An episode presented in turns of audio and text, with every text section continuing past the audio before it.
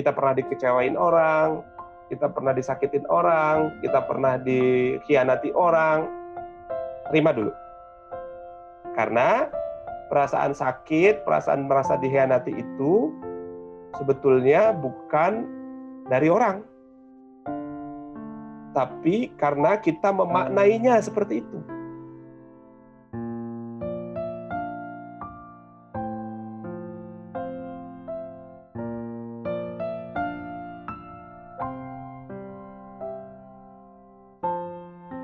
Selamat datang di podcast sama Exis dan bersama saya Ina Istantina. Gimana kabar teman-teman yang mendengarkan podcast sama Exis kali ini? Semoga kabarnya baik, sehat, dan juga dalam kondisi yang benar-benar apa ya nyaman, kondisi nyaman dengan diri sendiri ataupun nyaman dengan sekeliling kita adalah satu hal yang sebenarnya simpel sih, tapi entah kenapa saya sendiri juga pernah mengalami untuk mendapatkan si momentum nyaman tuh kayaknya butuh perjuangan banget. Nah, untuk itulah hari ini uh, saya mengundang salah satu teman saya, teman lama, teman kuliah yang kalau kata orang embel-embelnya motivator gitu ya, Pak.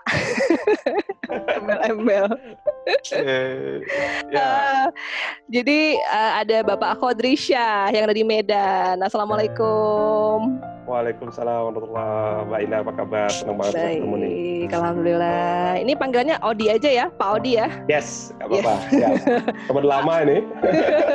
Ahli taekwondo, waduh. Waduh, ya, ya, ya. Masih Pak taekwondo, apa, hapkido? Uh, uh, hapkido, ini uh, taekwondo udah agak vakum lama ya, tapi ini mau mulai latihan lagi sih.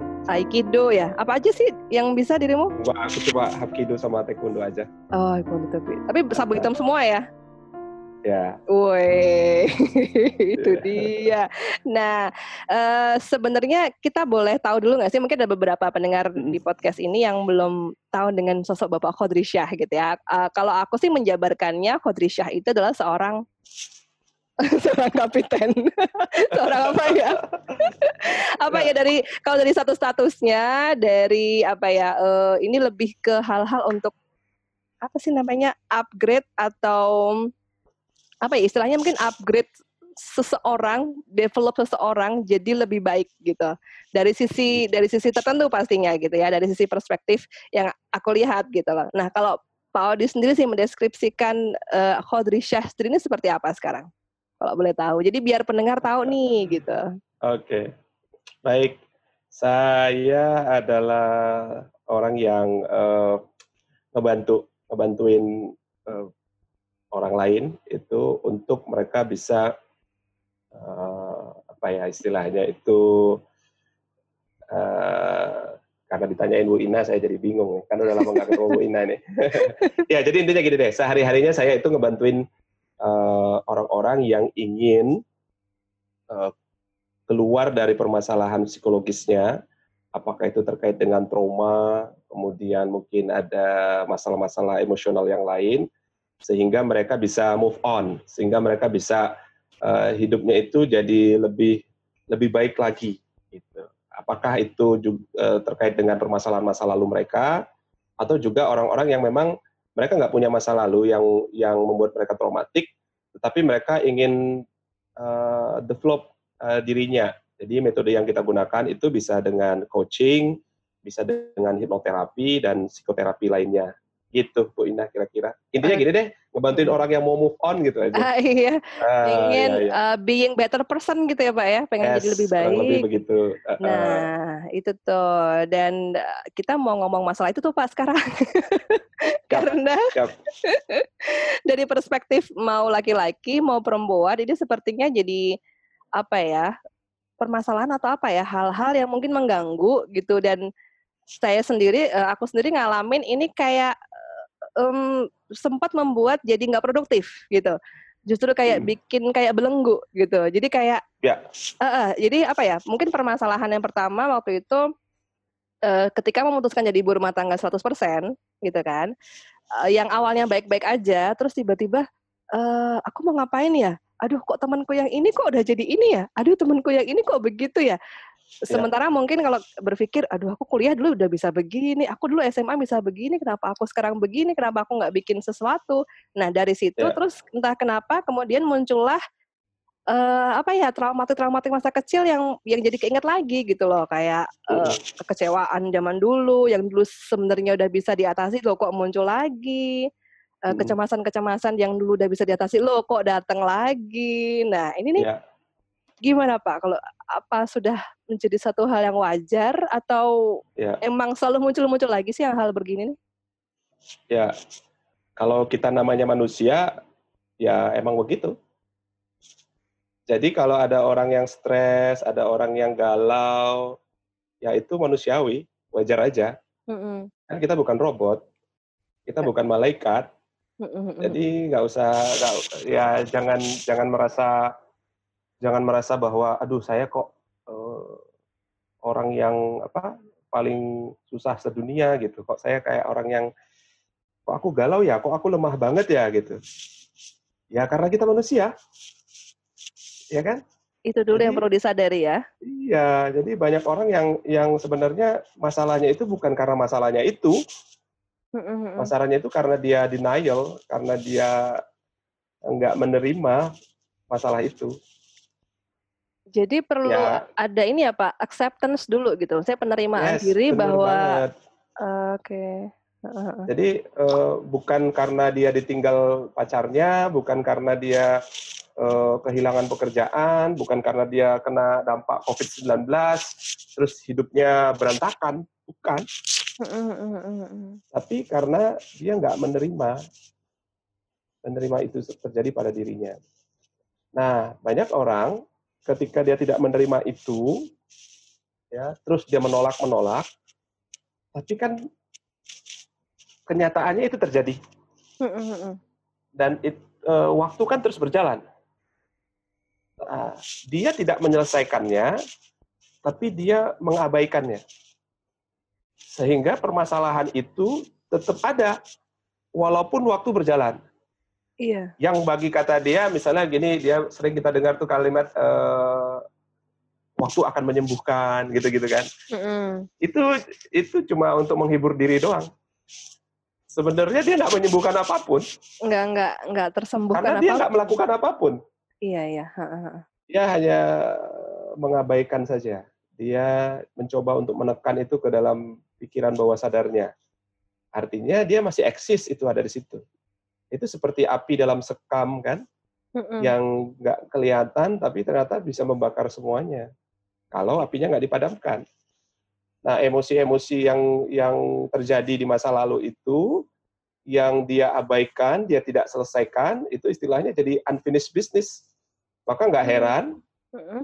Dia misalnya ini kejadian masa kecil, terus SMP dia baik-baik saja, SMA dia baik-baik saja, ketika kuliah dia baik-baik saja, menikah baik-baik saja. Tiba-tiba ada konflik tertentu yang tidak ada hubungannya sama sekali dengan masa-masa itu, eh kok tiba-tiba muncul lagi. Misalnya nih sekarang situasi pandemi ini semuanya di uh, terbatas, krisis, semua orang alami krisis, semua pekerjaan numpuk di rumah, anak-anak harus belajar di rumah, pekerjaan di rumah, belum selesai satu ini lagi fokus, tiba-tiba anaknya gangguin dan segala macam. Itu memunculkan stres, yang akhirnya dia marah-marah kepada anaknya, kepada istrinya, kepada suaminya. Dan tiba-tiba ketika itu juga permasalahan masa lalunya muncul tuh. Hmm. Akhirnya dia emosinya tak terkendali, anak dan istri atau suaminya jadi pelampiasan. Kok tiba-tiba teringat lagi masa lalu ya perasaan kan kita dulu udah damai ini dengan masa lalu. Langsung dia ngungkit-ngungkit kesalahan. Nanti dia ngungkit-ngungkit kesalahan suaminya, dia ngungkit-ngungkit kesalahan istrinya, itu. Berarti itu belum finish unfinished business, urusannya belum selesai. Tapi dia berusaha untuk mengabaikan, menekan itu dalam pikiran bawah sadarnya. Nah, itu eh, banyak terjadi karena tadi uh, dia merasa bahwa uh, harusnya saya nggak nggak nggak ngalamin ini. Kok saya sih yang kena kayak gini? Tuhan nggak adil. Saya kan sudah buat begini, saya sudah buat begitu, saya sudah begini, saya sudah begitu. Kok saya yang ngalamin kayak gini nih? Nah, penolakan-penolakan seperti itu, denial itu itu yang akhirnya akan membawa seseorang menjadi frustasi kalau seandainya dia tidak selesaikan itu. hmm Kalau dia nggak tahu ke mana uh, atau apa yang harus dilakukan. Ketika rasa frustasi itu terus ditumpuk-tumpuk-tumpuk, ya jadinya depresi nanti.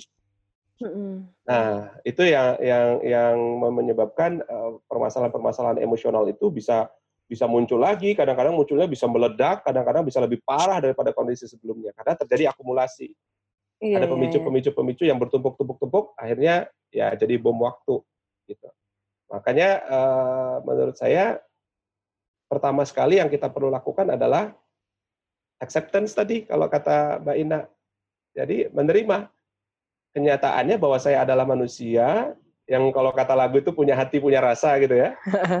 Iya, rocker juga manusia kan? Iya, betul betul. Kita juga manusia, semua orang punya manusia, punya hati, punya rasa. Nah, ketika kita merasakan pahit, ketika merasakan manis, ketika merasakan uh, perasaan hambar, itu kan rasa yang memang manusiawi itu. Jadi kalau memang kenyataannya saat ini yang dirasakan itu, ya terima dulu. Karena kita nggak akan bisa melepaskan sesuatu kalau kita nggak pegang. Hmm, hmm, hmm. Dasarnya kan begitu. Bagaimana kita bisa melepaskan rasa sakit hati kita kalau kita nggak pernah menerima bahwa kita sakit hati. Ya saya emang emang rasa sakit hati, emang memang merasakan sakit itu gitu. Nggak menghibur menghibur diri dengan dengan dengan uh, apa kata-kata manis yang palsu gitu. Karena saya kita harus kuat, saya juga. hebat gitu ya. Iya, gitu. Kenyataannya kamu sedang mengingkari, menipu dirimu sendiri. Gitu. Orang kamu sedang mewek kalau dibilang saya kuat. ya kalau emang saat ini kamu lagi rapuh, ya ngaku aja rapuh, nggak apa-apa.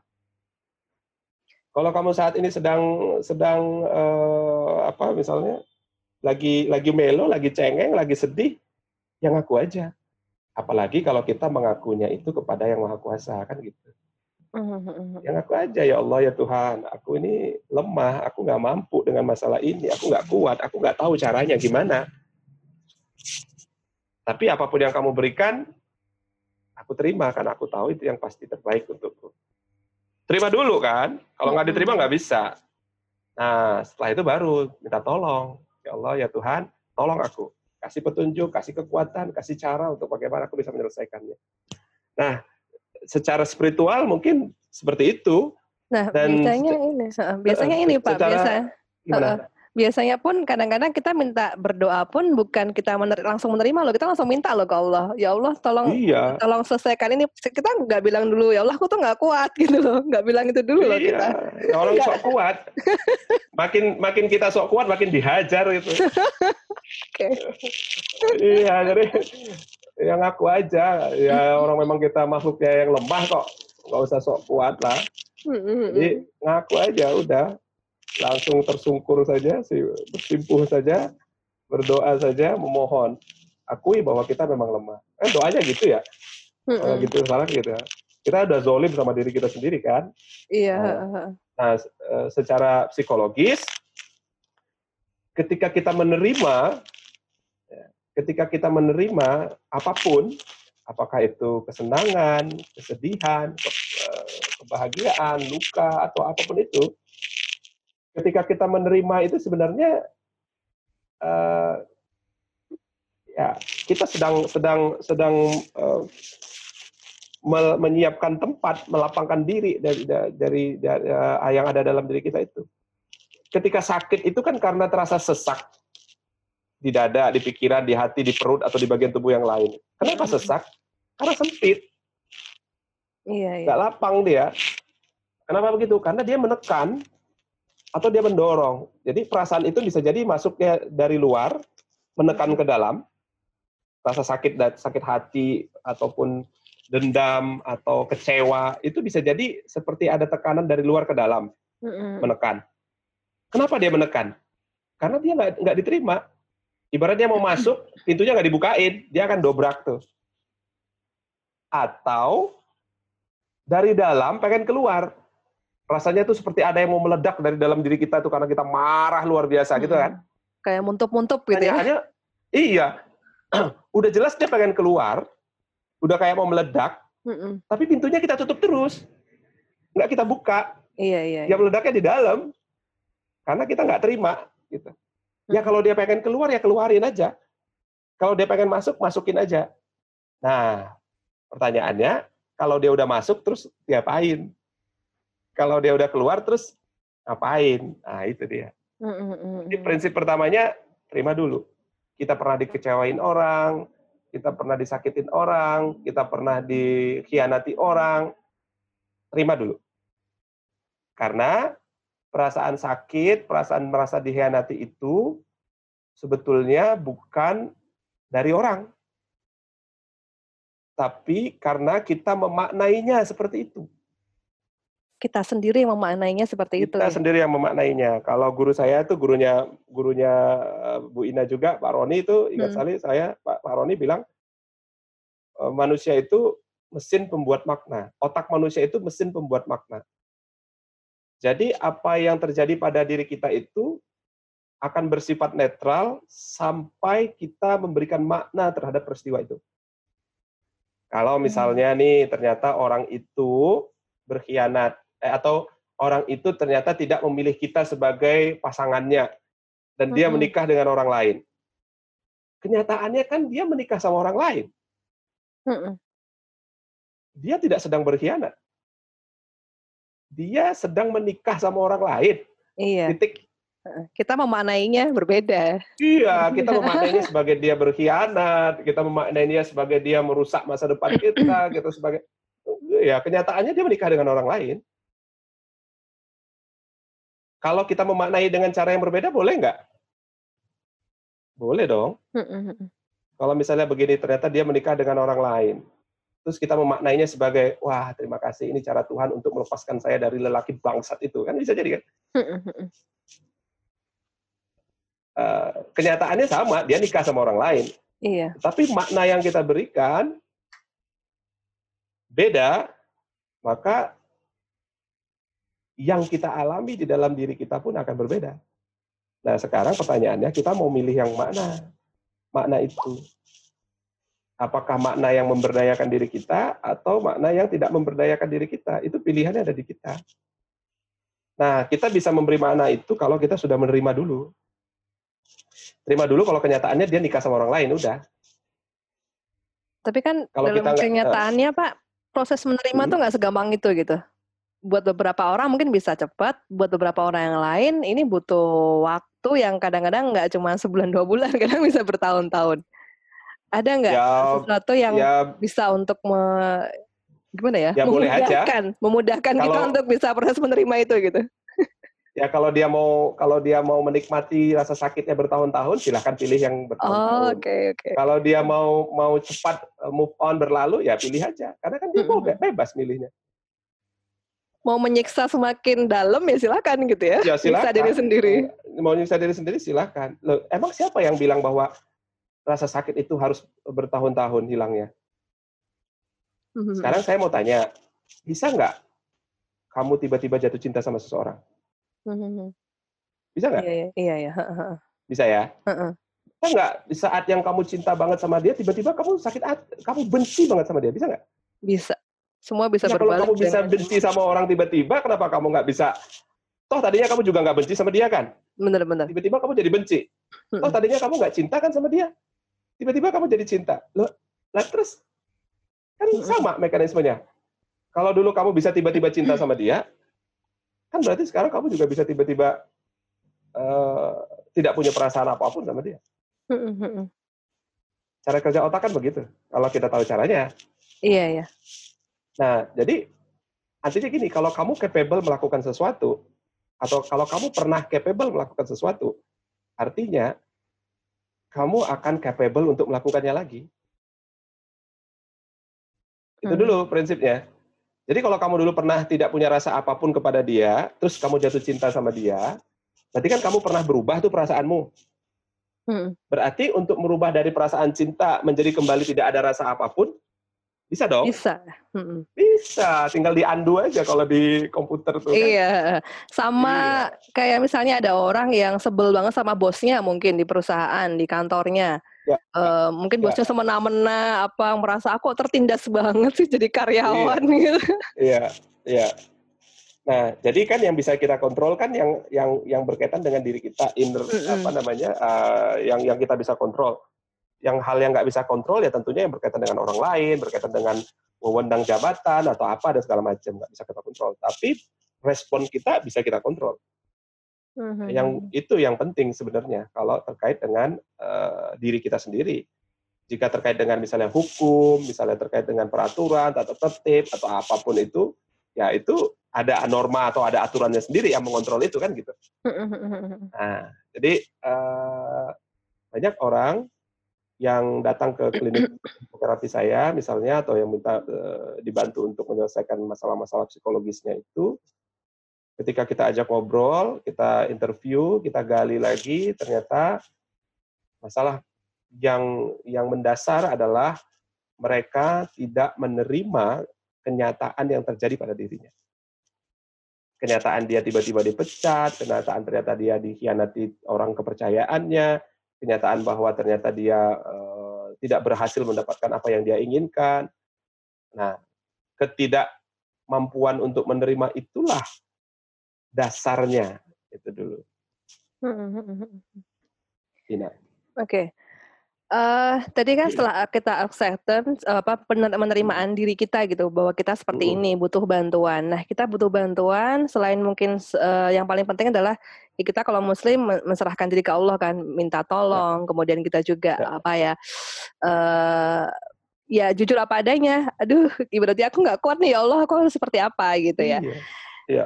Kalau secara ininya Pak, secara apa ya? Uh, kan Allah kan bisa juga akan memberikan bantuan dalam artian kamu bisa melakukan hal ini atau tiba-tiba kita punya inspirasi untuk melakukan hal itu gitu. Uh, ibarat kata kalau kita apa ya kata lainnya mengalihkan. Nah, mengalihkan dengan melakukan sesuatu yang produktif, apa uh, bikin karya atau mencetak sesuatu hal. Ini bisa nggak sih sebagai obat juga atau hanya untuk meredam doang sementara itu? Itu proses healing yang sebenarnya atau cuman ya cuman dialihkan sementara doang gitu. Ya, eh, makanya banyak tadi kejadian yang dia dia misalnya nih mengalihkan oh rasa sakit hati ini aku lakukan untuk aku berkarya. Aku buktikan kepada mereka bahwa aku tuh nggak sehina yang mereka pikirkan. Wah, akhirnya dia bersemangat, dia melakukan karya, bla bla bla bla bla, dan akhirnya dia sukses luar biasa. Mm-hmm. Sukses dia? Iya, Sukses dia punya kaya, harta, punya kekayaan, punya ini? Ya. Pertanyaannya, emosi dia terkait dengan orang itu selesai nggak?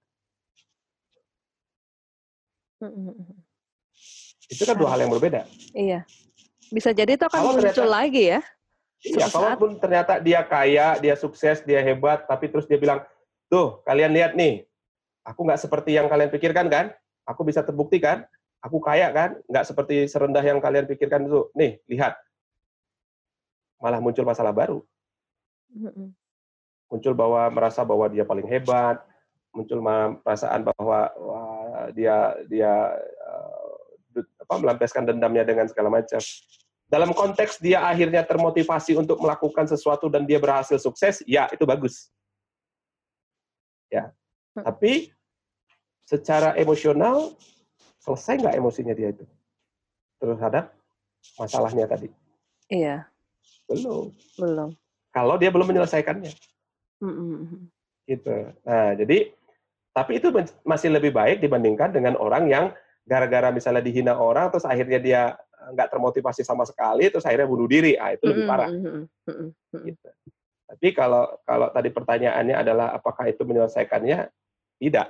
Membuat dia sukses termotivasi? Ya. Gitu. Nah, karena apa? Dia belum menyelesaikan masalah itu.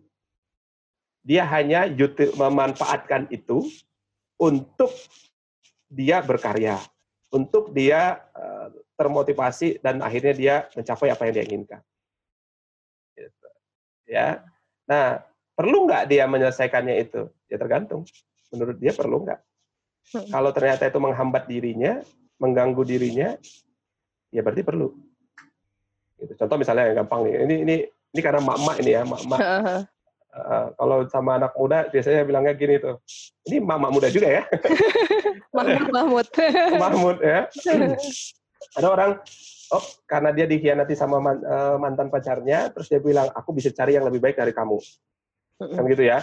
Terus akhirnya dia, dia menikah dengan yang lebih ganteng, lebih cantik, lebih kaya, lebih sukses, dan hidupnya bahagia. Eh tiba-tiba reunian nih. Cek.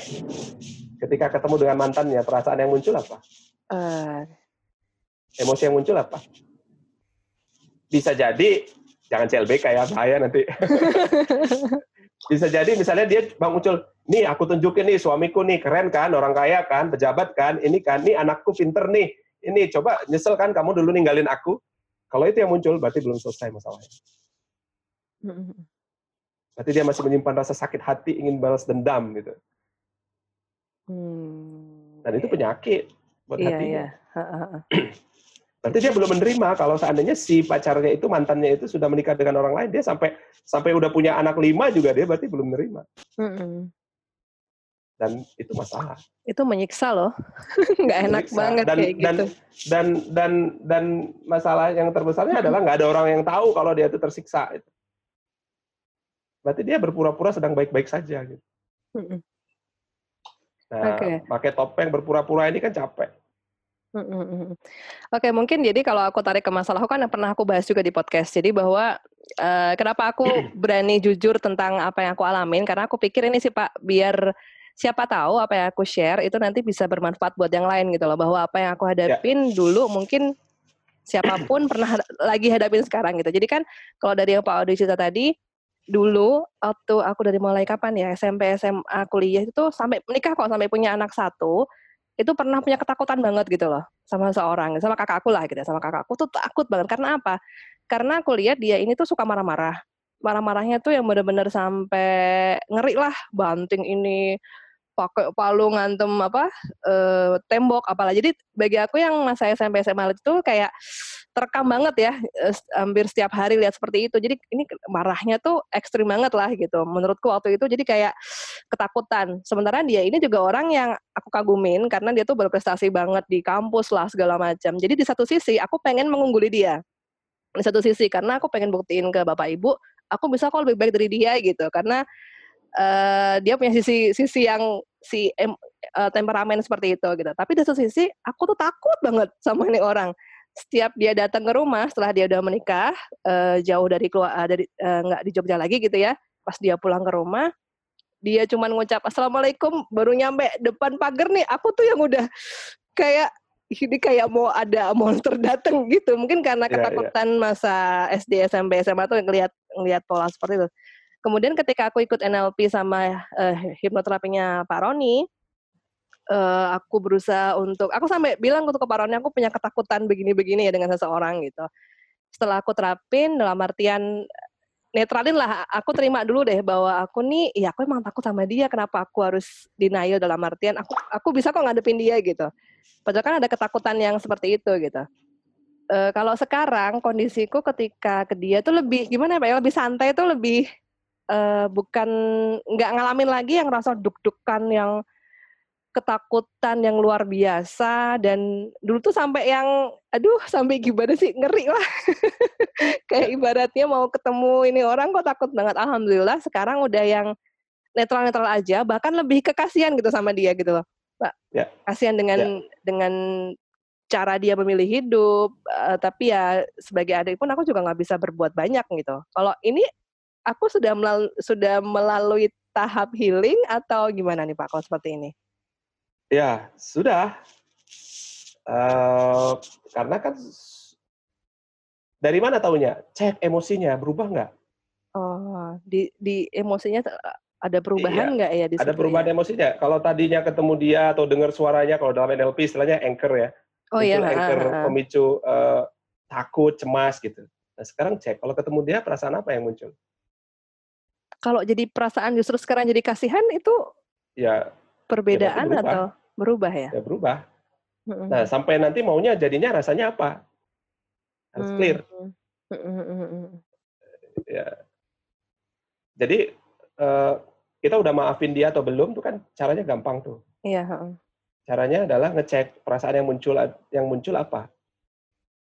Kalau misalnya kamu masih masih masih uh, marah, masih cemas, masih takut, berarti belum berubah itu masalahnya belum selesai berarti.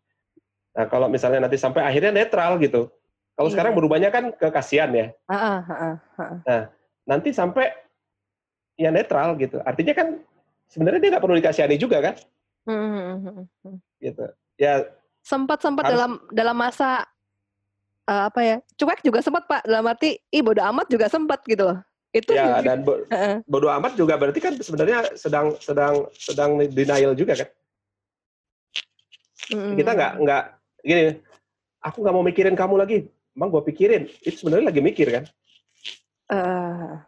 lagi mikir dia tuh iya iya iya iya iya. Ah bodo amat. Cuek. Sedang cuek mm. tuh sebenarnya lagi sedang perhatian Hmm, benar juga. Benar. Iya, benar juga. Dia sedang menghibur diri aja itu sebenarnya. sedang menipu diri gitu. Aku nggak mau mikirin dia lagi. Lah, lagi ngomong kayak gitu tuh lagi mikirin dia. Hmm. Ya, nah sampai nanti begini. Ketemu dia itu perasaannya ya netral aja. Mm-hmm. Netral tuh kayak gimana? Ya kayak kamu ketemu sama orang lain yang kamu nggak pernah punya masalah apa pun sama dia gitu. Iya, iya, iya. Gitu. Mm-hmm. Ya kalau seandainya ternyata itu adalah kakak atau orang tua atau apa, ya dalam konteks ini berbeda lagi gitu. Artinya ya sesama orang tua ya kita harus kepada orang tua ya kita harus sayang, mm-hmm. kepada kakak ya kita harus hormat, misalnya begitu ya.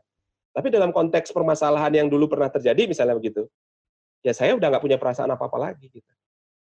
Dia datang ya saya nggak ketakutan, hmm Dia dia dia melakukan apa pun ya enggak ya udah netral aja. Nah kalau udah begitu berarti clear masalahnya. Mm. Uh, gitu. pal- uh, uh, paling enggak tuh sekarang udah mensyukurinya begini karena udah nggak ada rasa takut kayak dulu lagi gitu. Yang dulu oh. menyiksa banget ya kayak nggak nyaman. Ya. Dan itu kayak ke bawah juga sih Pak ke ke apa ya ke hal-hal lain gitu. Misalnya jadi ketakutan sendiri misalnya ngelihat apa ya harus harus ketemu orang yang begini begitu kayak mikirnya nanti jangan-jangan kayak ini gitu. ya ya. Gitu. Alhamdulillah sih udah itu sih udah lepas nah itu tinggal dinetralin ya berarti ya.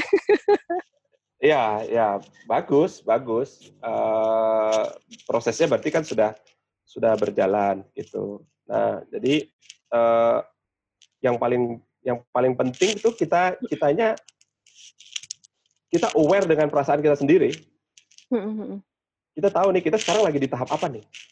Boleh nggak sih saya marah sama dia? Ya boleh lah. Ya boleh aja. Saya, saya lagi marah nih sama kamu.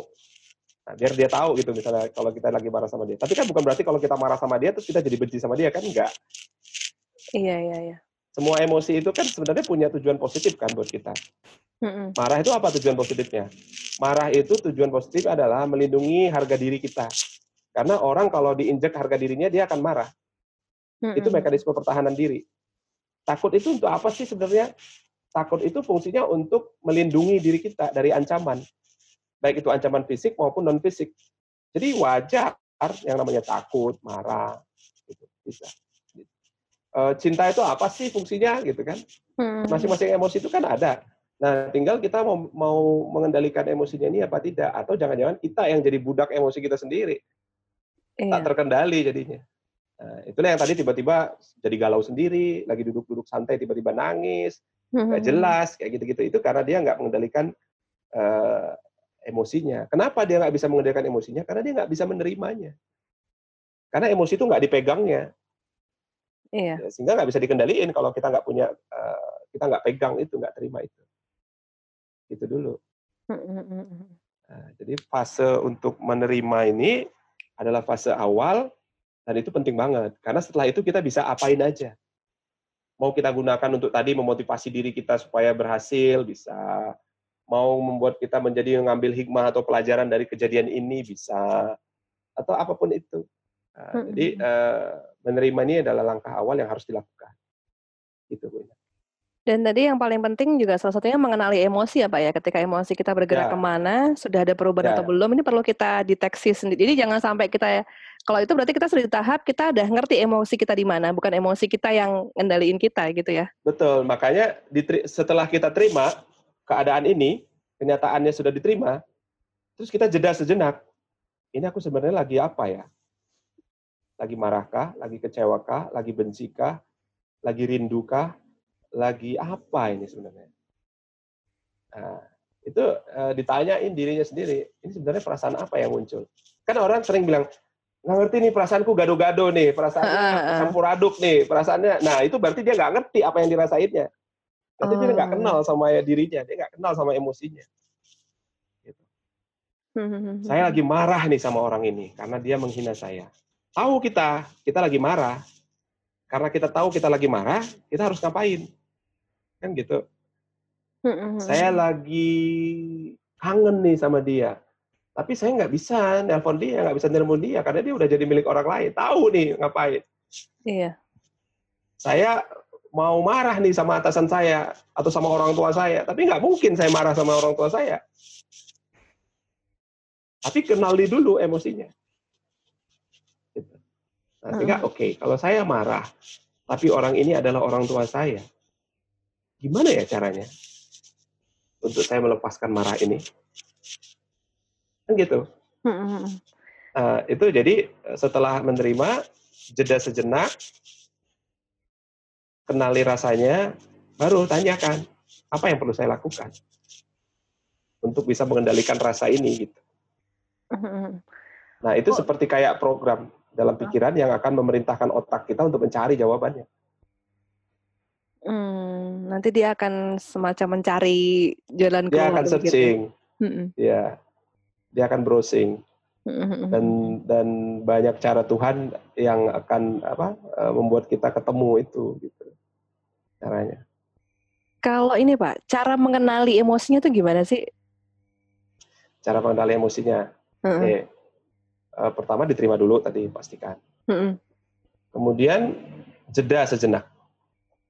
Jadi apa pun yang terjadi itu respon kalau seandainya kita merasa bahwa emosinya ini sudah uh, tak terkendali, emosinya memuncak atau apa pun itu, jangan langsung dilampiaskan saat itu.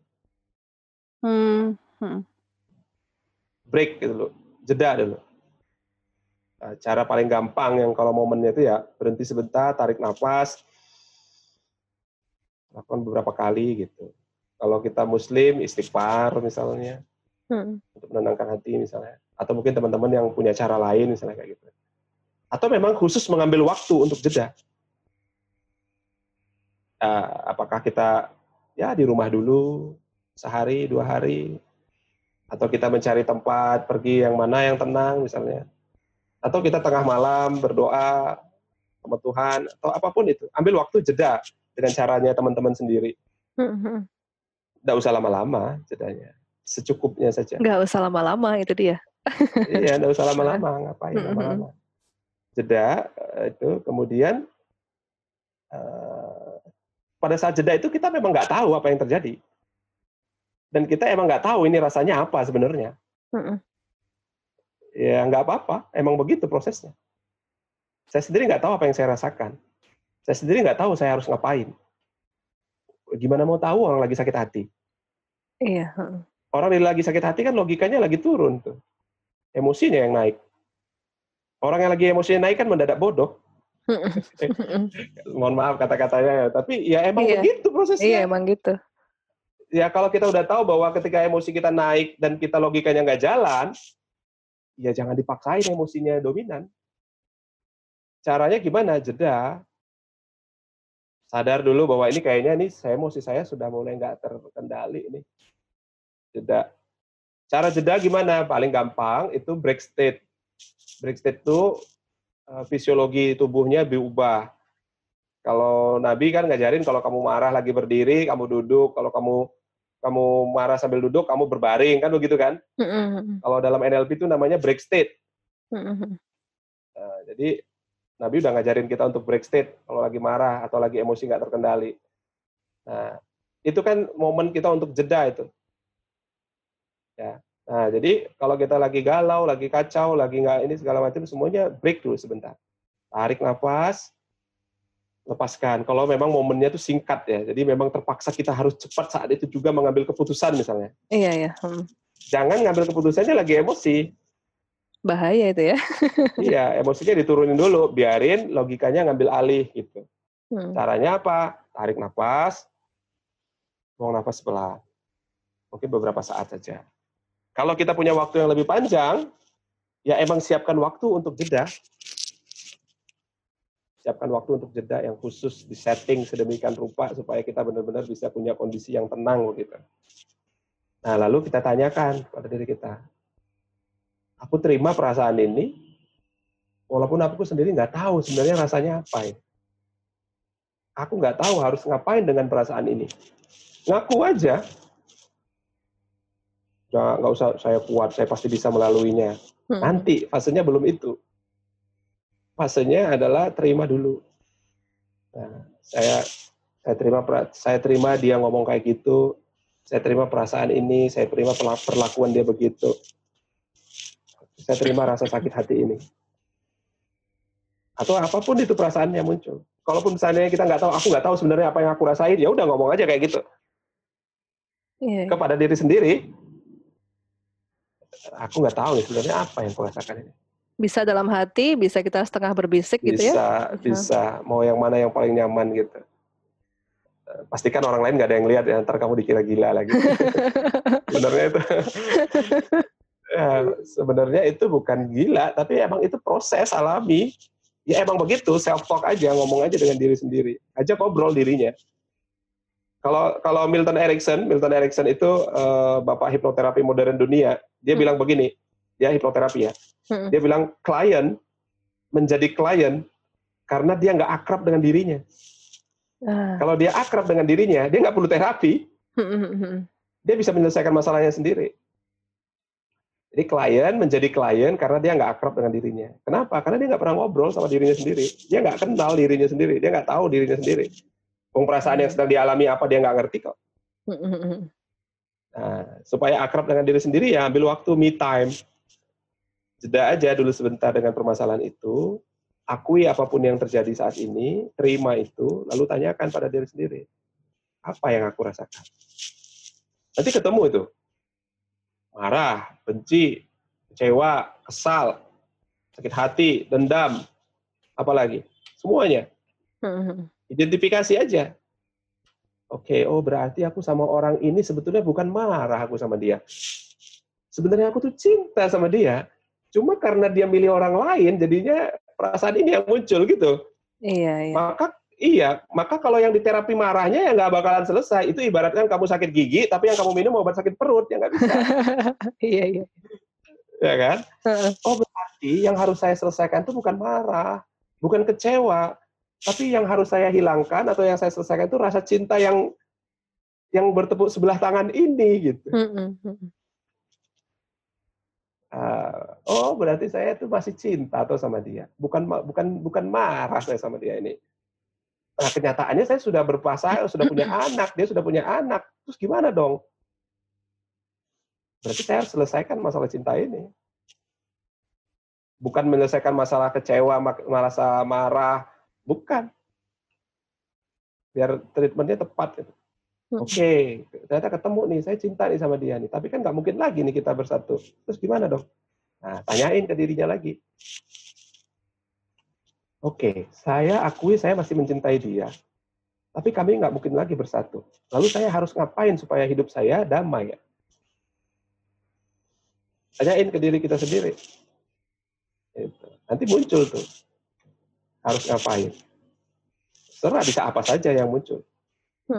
Kali ini kalau kita ngomongin self healing ya, kan diri sendiri yang menyembuhkan. Iya. Kan bantuan terapis kan, kan bantuan orang lain gitu. Maka yang paling tahu diri sendiri. Jangan tanya ke orang lain. Misalnya, Mbak Ina aku mau curhat nih. Eh, kan? Gini, gini, gini, gini. Kalau dalam konteks Mbak Ina memang sebagai orang yang membantu untuk menyelesaikan masalah itu, nggak apa-apa. Tapi kalau kamu curhat sama orang yang nggak jelas, kamu dapat panas panasin oh, kamu panas udah makin iya, iya, hancur iya, iya. gitu jadi ya udah. Apalagi kalau ya netizen tahu sendiri kan perasaannya terus diposting di internet langsung komentarnya enggak enggak ya maha benar netizen dengan segala komennya kan gitu. Anda bakalan dinyinyirin anda bakalan di segala macam. Jadi ya udah sebelum kamu posting kamu tanya dulu ke dirimu sendiri kan. Sebenarnya apa yang aku rasakan? Oh perasaan ini. Oke okay. aku terima perasaan ini ada dalam diriku. Dan aku ingin melepaskannya Aku terima bahwa aku masih mencintai dia, tapi kita nggak mungkin bersatu lagi. Aku terima kenyataan itu. Dan aku ingin melepaskan masalah ma, perasaan ini. Perasaan itu. Demi kebahagiaanku, demi masa depanku.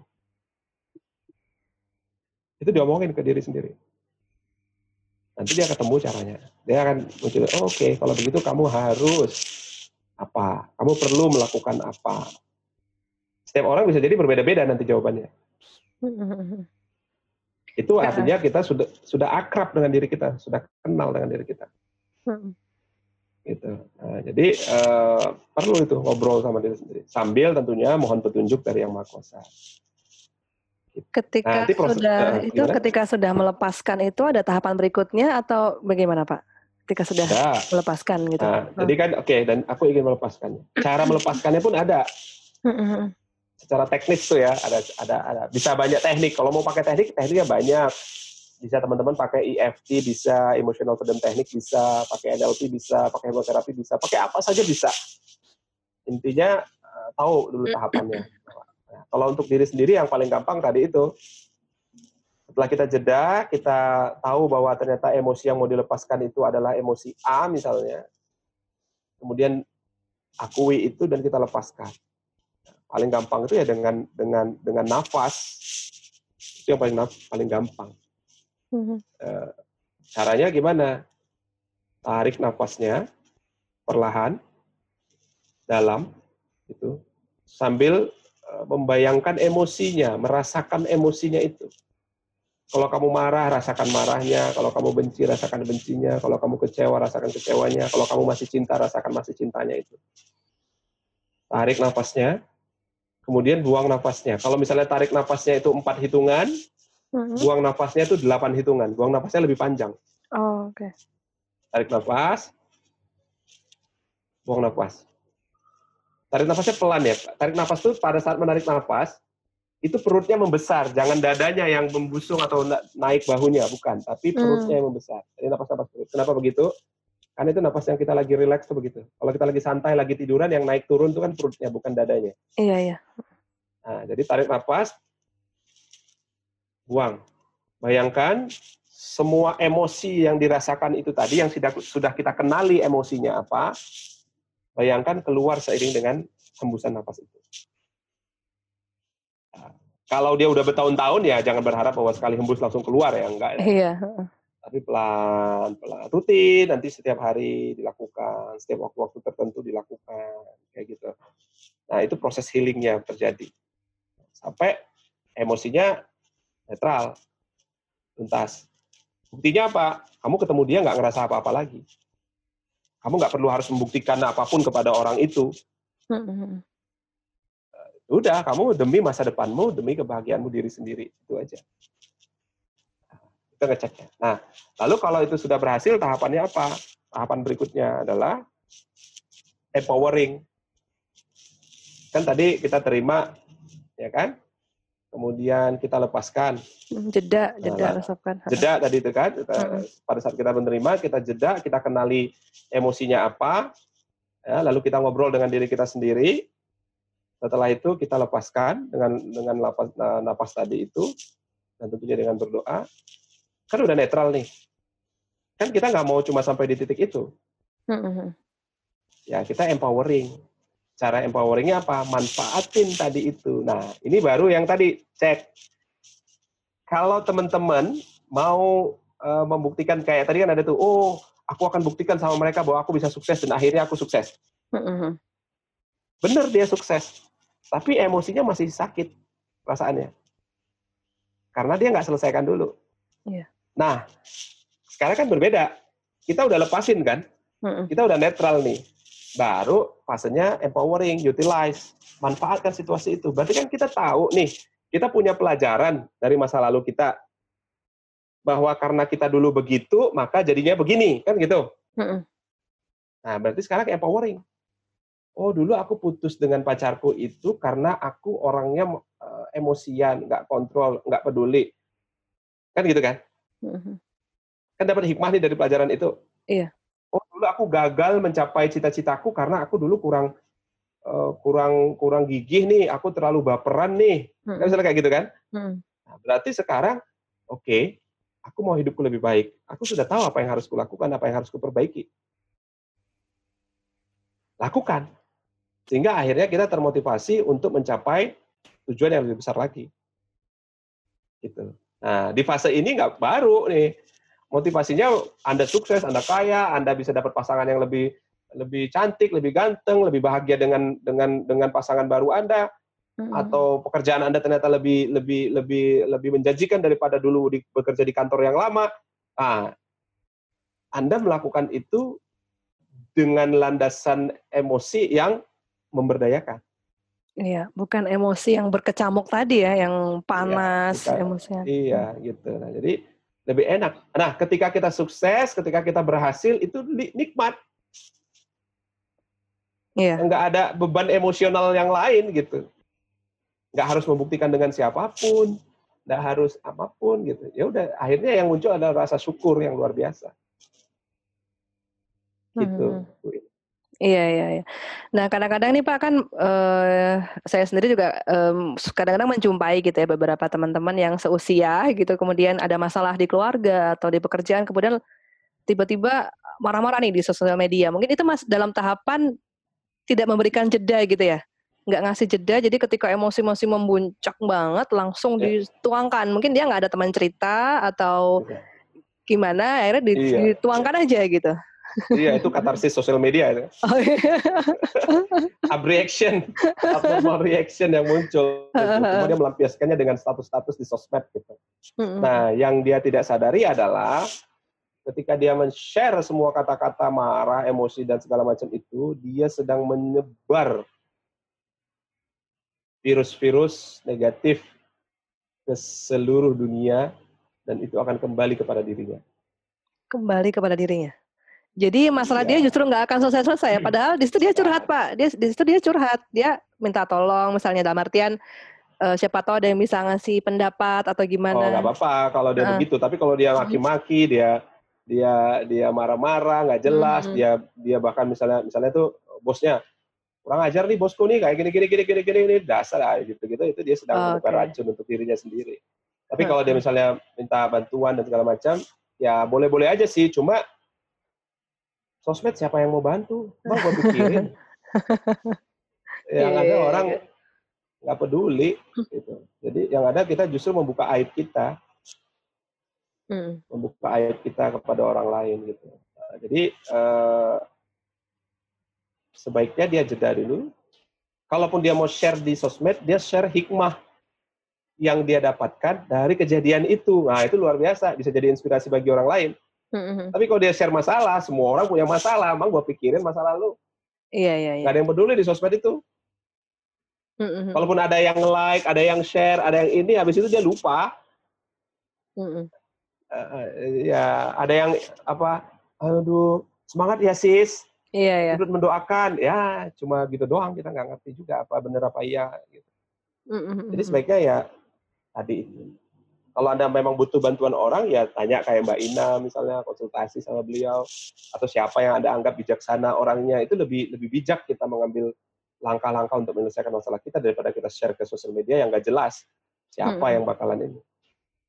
Iya, kalau kita share dalam artian uh, kita pernah melampaui itu dan kita dalam tahap ini yang lebih nyaman nah, itu kita share aja ya. caranya gimana nggak apa-apa ya pak ya? Nggak apa itu jadi kan uh, jadi, jadi inspirasi jadi bagi orang kan? banyak orang ya. Iya atau atau kita belum selesai nih masalah kita? Mm nyatanya kita sedang mengalami kondisi itu. Tapi kita men-share hikmah di balik itu kan boleh. Iya iya iya. Ya kan? Sehingga orang yang yang sedang mengalami kondisi ini tidak melakukan kesalahan yang kita lakukan misalnya kayak gitu. Di konteks di framing kayak gitu boleh aja.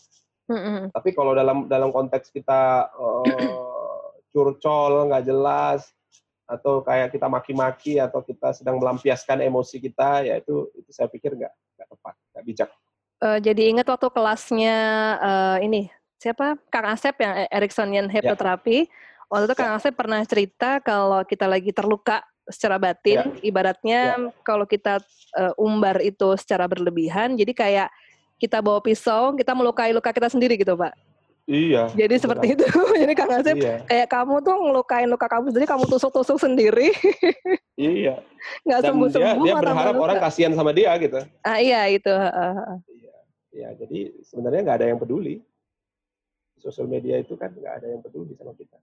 Mm -hmm. Ya. Oke, okay, oke. Okay. Sedangkan sedangkan uh, selebgram yang followernya jutaan aja, kalau dia kenapa-kenapa, followernya juga nggak peduli kan sama dia. Mm -mm. Iya, paling cuman kasihan aja. iya, terus apa gitu. Apalagi kita terus kita cerita sama orang ke mana-mana masalah kita, emang siapa yang peduli? Oke, oke, oke. Nah ini Pak, uh, sebelum kita akhiri ada satu hal lagi hmm. mungkin berarti dalam artian self healing atau seseorang ketika berusaha untuk menyembuhkan dirinya sendiri itu sah-sah aja ya, boleh-boleh aja ya tanpa kita harus Boleh. menemui apa siapa psikoterapis atau siapa tuh nggak masalah sebenarnya ya. Sampai Anda merasa bahwa Anda memerlukan bantuan profesional. Mm-hmm. Karena ada memang karena kan kita nggak bisa hmm. menyelesaikan uh, artinya gini tukang pangkas atau tukang potong rambut itu kan nggak bisa potong rambutnya sendiri. Iya, iya. Nah, ada ada saat-saat kita memang butuh bantuan orang lain. Kalau di satu titik Anda butuh bantuan profesional, ya Anda harus segera bantu butuh bantu uh, perlu bantuan profesional karena kesehatan mental ini penting kan. Kalau kita sakit misalnya, kalau secara fisik kalau hanya dengan istirahat yang cukup, minum vitamin, makan makanan yang bergizi itu bisa membuat kita pulih kembali, ya udah cukup. Tapi kan ada penyakit-penyakit yang kita perlu bantuan dokter nih. Iya, iya. Nggak bisa, oh aku aku kata Mbak Ina, aku harus meditasi, aku harus ini uh, sembuh, sembuh, sembuh, sembuh. Tapi kan fisiknya nggak bisa begitu. Dia tetap mm -hmm. harus bantuan profesional. Nah iya. itu kalau fisik. Nah mental juga begitu kalau memang uh, ada fase-fase atau tahapan-tahapan yang di mana kita butuh bantuan profesional harus segera dibantu profesional. Karena kayak tubuh fisik, daya tahan tubuh kita kan juga berbeda-beda. Mm-hmm. Bener nggak? Iya. Yeah. Ya. Contoh misalnya nih COVID-19 nih, ada orang yang rentan, ada yang dia imunitasnya kuat sehingga dia uh, bisa bertahan atau bahkan dia sudah ada virusnya tapi dia nggak ada gejala, orang tanpa gejala misalnya begitu. Mm-hmm. Itu kan berarti tergantung kondisi imunitas tubuhnya. Iya. Benar. Nah, mental kita juga begitu. Tergantung nih selama ini dia menjaga kesehatan mentalnya enggak. Kalau memang selama ini dia dalam misalnya dia 30 tahun, 35 tahun, 25 tahun selama dia hidup dia terus-terusan terpapar eh, emosi-emosi negatif sehingga secara mental dia rentan, hmm. ya dia perlu bantuan profesional bisa jadi. Tapi kalau misalnya selama ini dia kuat, dia secara mental dia kuat, dia terlatih, eh, kedekatan dengan Tuhan, kedekatan dengan dirinya sendiri, dia tahu, dia biasa menghadapi situasi-situasi sulit, tiba-tiba dia punya masalah besar, dia mungkin bisa jadi dia recovery-nya cepat. Mm-hmm. Tapi ada orang yang memang itu sudah bertahun-tahun dengan pola hidup yang begitu, tiba-tiba dia punya masalah, terus dia self healing ternyata kok nggak sembuh-sembuh juga, misalnya kayak gitu. Mm-hmm. Ya dia berarti perlu bantuan, perlu bantuan profesional. Oke, untuk mendorong itu lebih yes. bisa. Paling tidak dia sudah melakukan pertolongan pertama pada dirinya sendiri gitu. Nah ini kan e, karena aku juga terlibat di beberapa teman-teman penulis ya Pak, ada beberapa penulis yang ya. juga menuliskan gitu tentang kisah hmm. mereka, kemudian ya. juga di, di, di grup ini tuh kita didampingin gitu sama psikolog gitu lah, sama apa yang healernya lah gitu. Ya, ya. Itu dalam artian ada juga pesan sih kalau misalnya ketika menulis justru akan memicu uh, kita jadi emosional lagi memang harus di jeda dulu dalam artinya harus di terapi dulu, harus di healing dulu baru kita boleh menuliskan. Karena itu ternyata apa ya, Pak ya? Kita mengorek lagi berarti kan, Pak? Kita menuliskan itu kan mengorek lagi tuh. Kita menceritakan ya. lagi tuh mengorek lagi dan tidak semua orang bisa siap gitu ya. Ya, ya tadi itu. Karena belum jangan-jangan belum menerima jangan -jangan itu. si penulisnya aja juga belum selesai dengan masalahnya. Oke. Okay. Ada ada unfinished business yang muncul lagi dengan tulisan itu. Karena memang ada beberapa teknik uh, menulis itu jadi terapi kan. Nah, menulis itu jadi terapi. Ya bisa juga kalau dengan menulis itu akhirnya dia menyembuhkan luka lamanya, masa lalunya, bagus. Dan akhirnya mendapat insight baru, dapat hikmah baru, dapat empowering baru gitu. Tapi juga seperti yang tadi Bu Ina bilang, kalau memang ternyata uh, dia belum selesai dengan masalahnya, itu memunculkan uh, luka itu lagi, ya dia jeda dulu. Atau dia memanfaatkan memanfaatkan perasaan itu untuk membuat sebuah tulisan baru lagi mm-hmm. yang lebih sensasional, emosional, dan itu bisa menjadi terapi juga untuk dirinya, boleh juga. Oh, okay. Kalau kalau tadi kita Bu Bu, Bu Ina tadi kan sempat bilang tentang Ericksonian ya. Mm-hmm. Ericksonian itu kan prinsipnya kan accept, utilize. Mm-hmm. Terima, manfaatin, terima, manfaatin. Kalau kenyataannya pada saat menulis emosinya malah muncul, terima dulu mm-hmm. emosinya, manfaatin emosinya. Dengan apa? Untuk apa? Untuk membuat cerita yang lebih bagus lagi. Sambil menjadikan cerita yang lebih bagus itu sebagai terapi untuk diri kita sendiri karena emosinya sudah muncul tadi. Iya, iya, iya. Nah, itu bisa juga kayak gitu. Jadi, uh, boleh, boleh saja. Sama seperti kalau aku sih nemuin justru ngetik ketika awalnya aku nggak berani pak nulis nulis hal-hal yang pernah aku alamin dan gimana cara recovernya gitu. Terus aku mulai dari podcast justru. Nggak tahu mungkin karena kedekatanku dengan dunia radio zaman dulu. Jadi kayak ketika aku ngomong sendiri, terus aku dengarkan lagi kok malah jadi kayak healing buat aku sendiri ya gitu. Jadi kayak ya bikin lebih nyaman gitu. Nah dari situ justru ya. terus aku bawa ke tulisan lebih enak gitu. Tapi ketika aku nulis ya. dulu aku nggak siap gitu. Oh, okay. ya, ya, ya. Jadi muter dulu. Gak apa-apa, okay. orang punya punya caranya sendiri-sendiri kan. Iya iya, oke oke oke.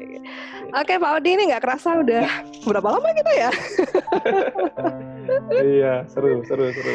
Oke, okay, makasih banyak. Ini Sama-sama. Uh, insya Allah banyak manfaatnya untuk yang nanti mendengarkan dan um, di tengah pandemi seperti ini moga-moga Pak Odi sekeluarga sehat. Amin amin, Bu Ina juga sekeluarga sehat. Amin. Hmm, ilmunya makin manfaat ya Pak. Amin amin. Amin amin. amin. siap, siap, Oke. Okay. Senang banget nih diajakin podcastan sama Bu Ina ini. Iya, nanti boleh bikin podcast sendiri Pak, nanti diajarin deh. iya, Gampang banget. Siap, siap. Thank you. Terima kasih. Oke, okay, dan uh, tampaknya sudah sekian dulu ya untuk perbincangan kita di kesempatan hari ini. Dan kalau misalnya nih untuk teman-teman yang pengen sharing juga, boleh langsung DM ke Instagram uh, Ina Istantina. Nanti kita akan diskusi bareng dan juga kita bisa angkat uh, apa topiknya di perbincangan kita di podcast sama Exis. Saya pamitan, terima kasih dan sampai jumpa.